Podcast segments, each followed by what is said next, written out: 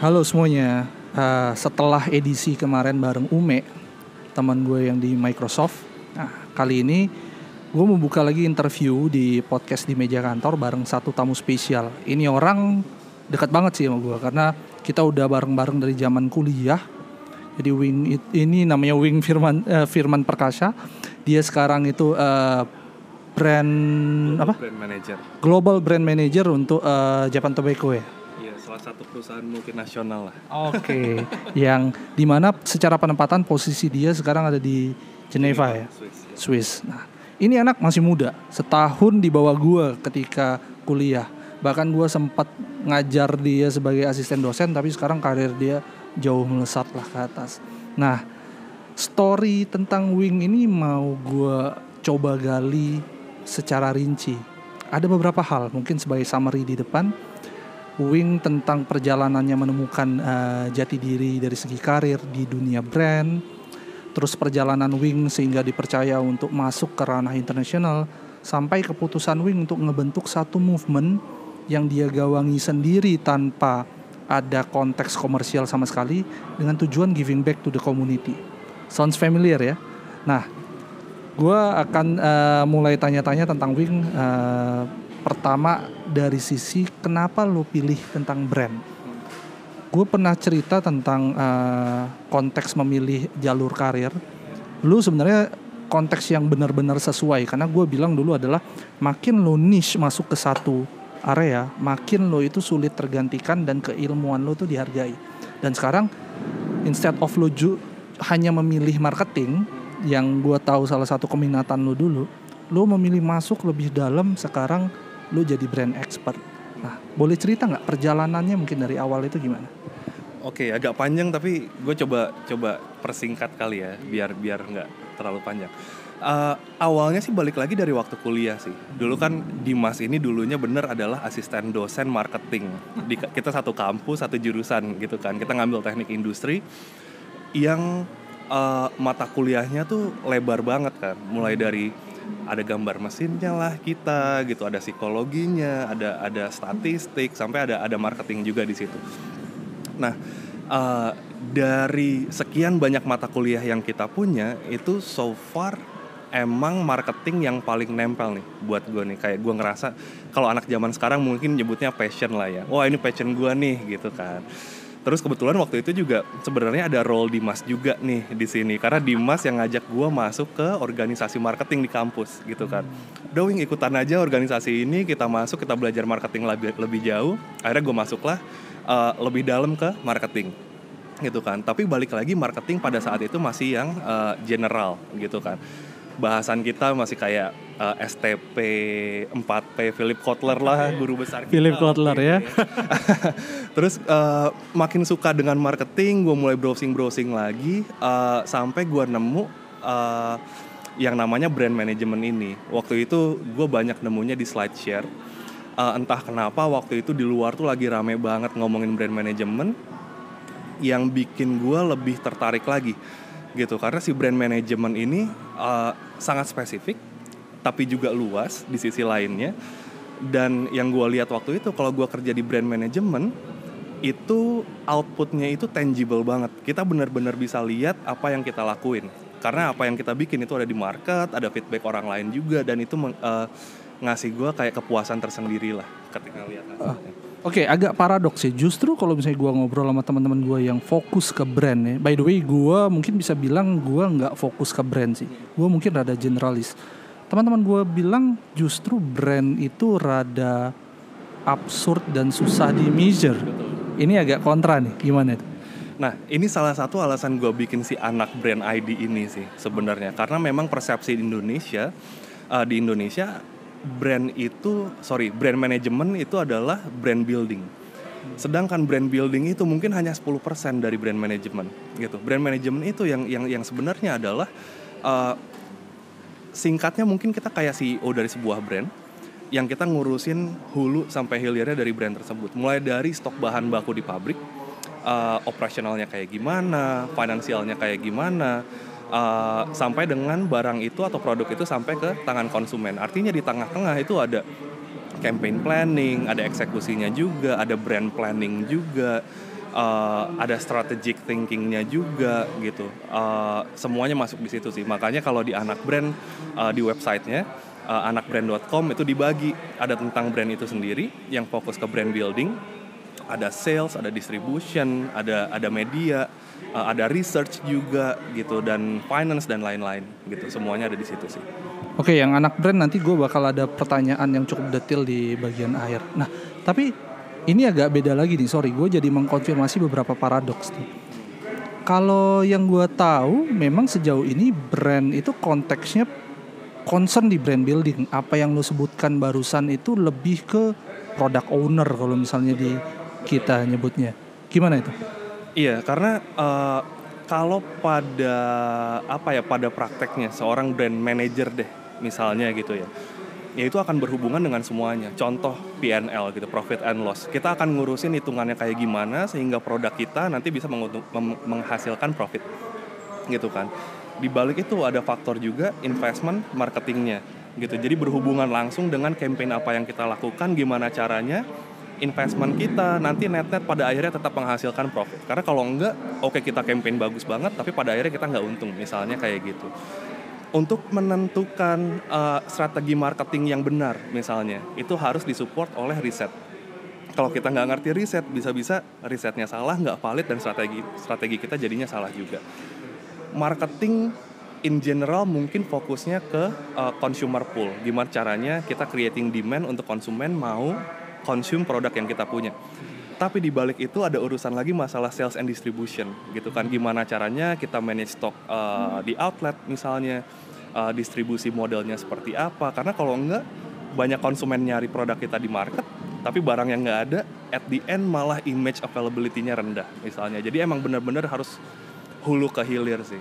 So konteksnya seorang brand manager kalau misalnya di case-nya di company lu itu mereka juga memikirkan eh, bahkan juga connect sama mungkin uh, supply chain manager atau misalnya bahkan mungkin ada marketing manager tersendiri ya. Uh, ada sih kayak nanti ada ada ada tim markom sendiri, ada tim digital sendiri, ada tim media sendiri gitu. Tapi at the end semuanya akan melakukan eksekusi sesuai dengan direction yang dikasih dari si brand management tim ini sendiri.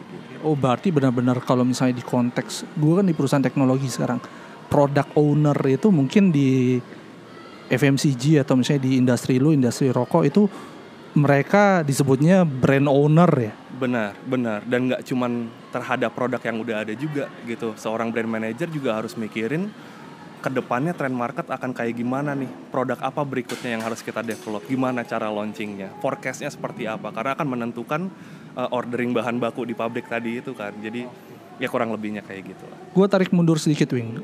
Lu tertarik uh, tentang brand ini itu ketika lu di company apa ya? Lu cerita nggak? Sebenarnya dari yang tadi kita uh, yang gue sempat nemu materi brand management ini, dulu kan zamannya Twitter ya, hmm. belum belum zamannya Instagram nih. Kita uh, eh, gue sering bikin kayak cool tweet cool tweet lah zaman dulu. Jadi apa yang gue baca di slide share, gue tulis lagi di blog pribadi pada saat itu masih pakai blogspot uh, terus gue pindahin lagi ke Twitter. Gitu di Twitter ini uh, nggak jarang ada orang-orang relevan yang nyangkut. Gitu pada saat itu kebetulan gue pertama kali kerja itu di Nutrifood okay. gitu jadi Twitter uh, sorry tweetnya gue itu di retweet di retweet dan nyampe ke CEO-nya Nutrifood dia komen. Hmm. nah kebiasaan gue lain pada saat itu adalah kalau ada orang yang gue rasa bisa gue ambil ilmunya gue ajak ketemu gitu akhirnya salah satunya si uh, eh, CEO ini uh, eh, gue ajak ketemu ngobrol-ngobrol-ngobrol dan ditawarkanlah pekerjaan pertama gue pada saat itu. Oh Pak Mardi ya? Pak Mardi bu, betul itu langsung jadi brand eksekutif untuk Elmen waktu itu. So uh, ya FYI Wing ini juga orang di belakang uh, brandnya Elmen dulu. Gimana pun Elmen itu termasuk brand yang quote unquote dari segi eksekusi itu nancep sih. Di mana ketika mereka sebagai suplemen uh, produk saat itu susu pendukung misalnya untuk uh, suplemen untuk uh, pria di kepala orang ya cuman elemen. Menurut gue emang effort uh, brandnya di sana itu cukup tinggi di mana mereka berani invest untuk bikin event untuk bikin activity untuk bikin uh, kolaborasi sama banyak partner gitu. Oke okay, berarti kalau misalnya dari Nutrifood dan nah ini menarik nih ini hal yang dulu dari dulu sering gue ketawain sama Wing lu dari industri kesehatan move to industri rokok. Nih tapi memang semua orang marketing itu cita-citanya dulu tuh kerja di industri rokok karena kesempatan untuk explore kreatif itu tinggi tapi challenge-nya juga tinggi karena banyak uh, rules. Nah, itu boleh cerita dikit nggak? Iya, jadi salah satu yang bikin gua tertarik waktu itu masuk masuk pertama kali masuk perusahaan rokok bukan yang ini kan, yang sebelumnya dulu tuh, Oh, oke. asal Inggris itu kan. Nah, eh, yang bikin gua tertarik pada saat itu adalah challenge-nya sih. Maksudnya kelihatan banget, eh, bahkan untuk orang awam itu investasinya tinggi banget untuk marketing ya. Artinya gue bisa bayangkan di belakang itu eh, planningnya pun akan sangat solid karena salah sedikit yang kebuangnya banyak banget gitu. Di situ gue pikir bahwa oke kalau gue masuk industri ini, uh, gue akan belajar caranya bikin strategik uh, marketing yang benar-benar solid sebisa mungkin resiko gagalnya kecil gitu dan dan gue percaya ini bisa diaplikas diaplikasikan ke ke industri lain juga sih. Nah, Wing, ini gue beranjak ke konteks tema kedua nih. Wing ini adalah eh, adik kelas gue, tapi gue itu appreciate full karena story karirnya itu sangat menarik. Bayangin aja dari Nutrifood, dia move ke salah satu perusahaan rokok sebelum ini, dia akhirnya masuk ke Japan Tobacco, Iya. which is salah satu brandnya adalah Camel, dan menurut gue dia bikin banyak hal yang menarik di Camel, dan Wing akhirnya ditunjuk untuk uh, mendapatkan kesempatan doing career di Geneva. Geneva itu apa? Uh, headquarter headquarter. headquarter jadi kalau di multinational company itu kan ada singkatnya tiga layer lah ya ada ada local market gitu misalnya Indonesia atau negara lain yang yang yang responsibility-nya lebih ke develop produk dan jualan. Kurang lebihnya kayak gitu. Kemudian di atasnya itu ada regional office gitu kan misalnya Asia Pasifik di Hong Kong misalnya biasanya kayak gitu kan. Yang tugasnya adalah uh, memonitor atau mengatur strategi yang lebih spesifik di regional tersebut. Gitu. Nah, regional-regional ini itu akan akan uh, report ke global global office gitu headquarter. Kebetulan untuk perusahaan sekarang itu adanya di Geneva Swiss yang nanti tugasnya lebih monitor uh, regional-regional yang ada dan juga uh, apa ya? uh, Menciptakan direction puncak ya, awal banget direction. cuma nggak maksudnya nggak sedetail itu tapi ada involvementnya juga terhadap uh, implementasi di market gitu. Nah, ini menarik sih karena bayangin aja dari karyawan di salah satu eh, negara di Asia, bahkan lu melewati regional lu langsung ditarik ke Geneva, which is itu headquarter. Kalau nggak eh, bukan karena something yang luar biasa, ini gua nggak tahu nih reasonnya apa. Boleh lu ceritain dikit nggak? Jalurnya itu gimana nih? Siapa tahu ada yang pengen nyontek nih jalurnya. sebenarnya gue percaya dari dulu ya kalau sebagus-bagusnya sebuah produk itu percuma kalau nggak ada yang tahu gitu kan. Jadi eh, dari dulu gue percaya kalau gue ada dua tugas utama nih dalam karir. Pertama adalah gue improve produknya diri gue sendiri. Di sisi lain gue juga harus build eh, awareness consideration dan seterusnya untuk diri gue juga gitu kan.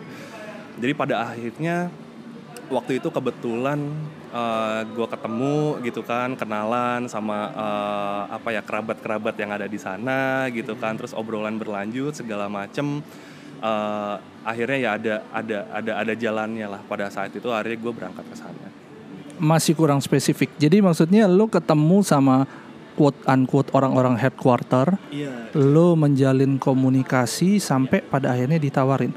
Menurut gua kalaupun lu menjalin komunikasi, that is not a reason orang headquarter nawarin sih. Pasti ada story yang lebih detail dari situ.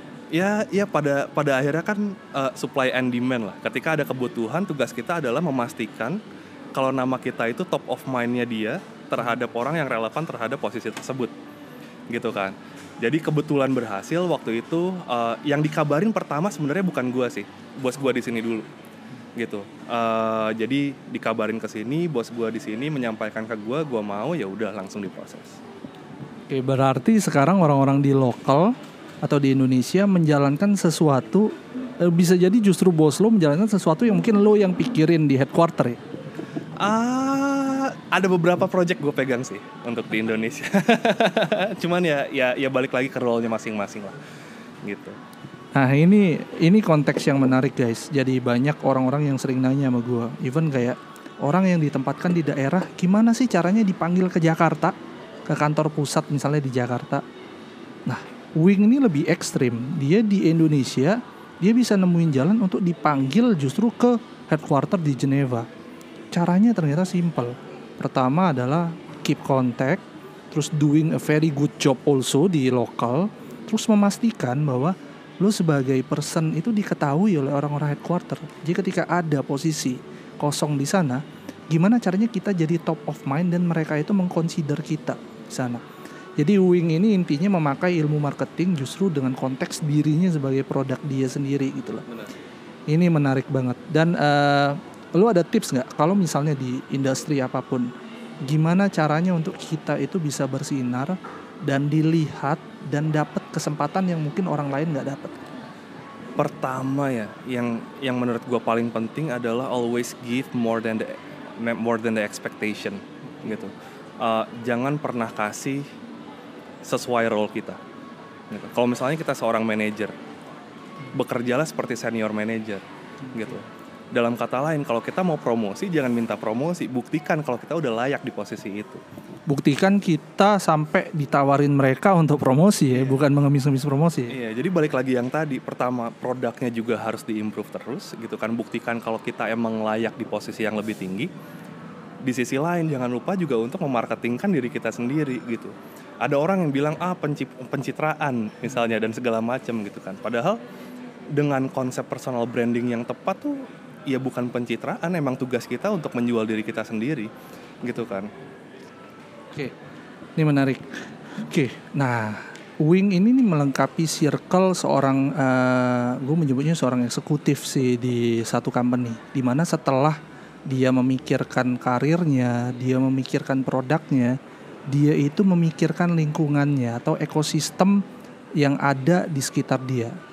Wing itu punya kegelisahan yang mungkin agak mirip juga sama apa yang gue rasain. What what is after uh, what I do in my company gitu loh gue ngapain lagi nih gue ngerasa bahwa gue tuh harus giving uh, the contribution terkait apa pun yang gue bisa ke market atau ke industri atau ke community kalau gue bikin di meja kantor Wing itu bahkan lebih dulu sebelum ini dia udah bikin apa yang namanya anak brand lo bisa cek uh, situsnya di apa situsnya uh, website di anakbrand.com Instagram di anak brand underscore ID. Oke. Nah, anak brand itu uh, website dan Instagram di mana di dalamnya penuh dengan konten-konten terkait orang-orang mau belajar uh, mengenai industri brand. Karena gue juga termasuk orang yang sering lihat di dalamnya, sesuai sama yang Wing tadi bilang, bukan hanya tentang brand building, tapi gue belajar tentang supply chain, gue belajar tentang sales, gue belajar tentang uh, marketing communication. Nah, Wing boleh ceritain detail nggak?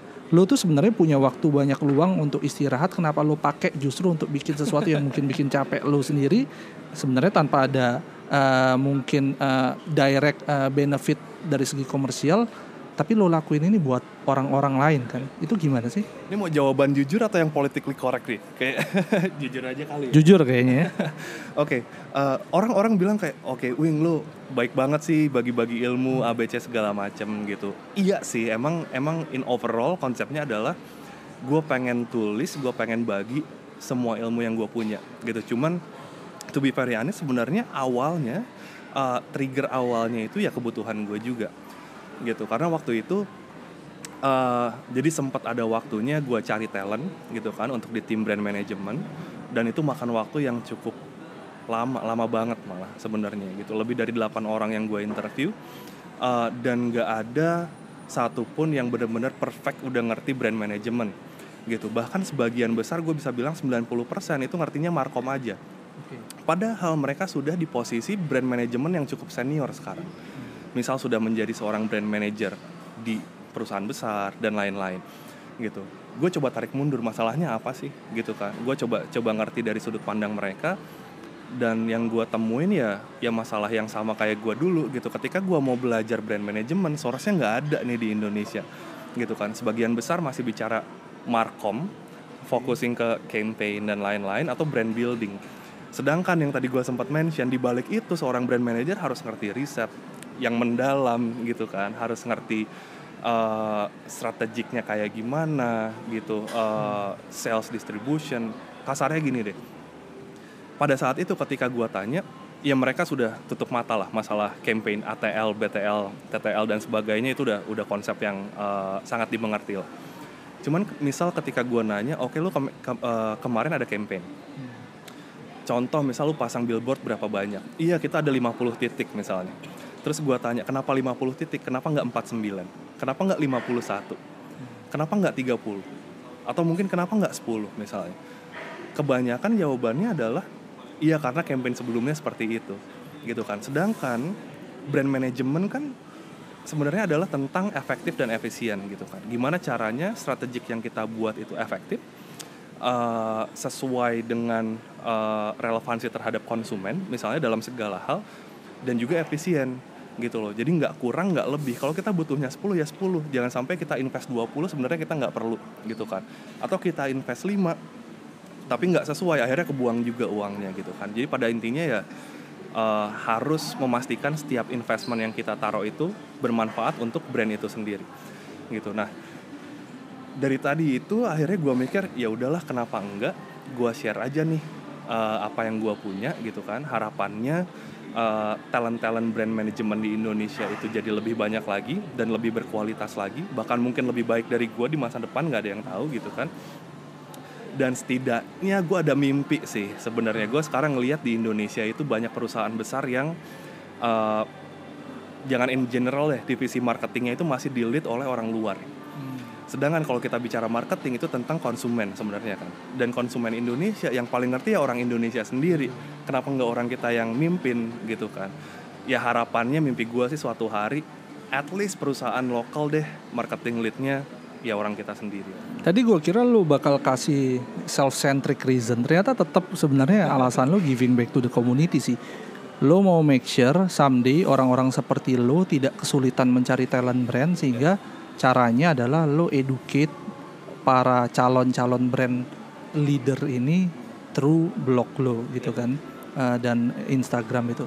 Lo ada mimpi lebih jauh atau let's say roadmap untuk uh, movement anak brand ini nggak? Uh, so far sih karena kan masih niche banget nih brand management. Maksudnya kebetulan kemarin karena gue harus ke Swiss juga jadi belum uh, lagi nggak semaksimal yang sebelumnya lah let's say. Uh, jadi audiensnya masih niche, uh, cuman so far gue lihat juga tractionnya cukup bagus gitu banyak orang-orang yang uh, bahkan sengaja mau ketemu belajar lebih jauh tentang brand management gitu. Dan gue rasa untuk konsep seperti ini ya semakin banyak audiensnya semakin baik gitu kan semakin banyak orang yang berpotensi untuk untuk untuk uh, memenuhi mimpi gue yang tadi gitu pada akhirnya kan jadi roadmapnya sih mungkin sekarang gue akan akan fokus ke uh, audiensnya dulu sih gimana caranya gue bisa fulfill their needs uh, specifically uh, apa yang mereka perlu tahu pada saat ini dengan kondisi mereka sekarang dan cara seperti apa yang lebih mudah diterima untuk mereka itu yang yang lagi pengen gue crack sih. Oke, okay. Gila gue ngobrol sekitar 22 menit ini gue juga belajar, belajar banyak dari dari anak yang dulu gue ajarin tapi sekarang gue rasa kayaknya ilmu dia terkait marketing dan brand udah jauh di atas gue dan gue very happy to see that dan gue menunggu orang-orang seperti Wing ini nanti bakal balik ke Indonesia build uh, Indonesia with uh, his capability juga. Mungkin dia bakal jadi salah satu katakanlah brand or marketing director perusahaan lokal yang bakal ngebawa perusahaan-perusahaan tersebut bakal fight ke perusahaan-perusahaan internasional. Gitu kali Wing. Wing thank you banget uh, udah ngabisin waktu sekitar 23 menit sekarang uh, bareng gua dan lu mungkin bakal balik ke uh, Swiss lagi sekitar kapan? Uh, minggu depan sih, udah balik lagi makanya untung banget nih kita bisa nemu waktu minggu ini. Sebenarnya udah tiga kali balik di sini, gue selalu set waktu, cuman kita gagal mulu nih. Nah, kalau misalnya teman-teman pengen tahu lebih detail tentang Wing, uh, lu bisa share uh, your social media account Uh, yang anak brand tadi, anak brand underscore ID, gue pribadi Wing underscore FW. Wing underscore FW di Instagram. Please lo uh, pada follow mungkin bisa uh, tanya langsung via DM atau apa pun untuk discuss dan jangan lupa juga baca blog anak uh, brand.com ya. Oke, okay, thank you Wing. Thank you juga teman-teman yang selalu dengar uh, di meja kantor podcast. Jangan lupa juga follow di meja kantor di Instagram. See ya.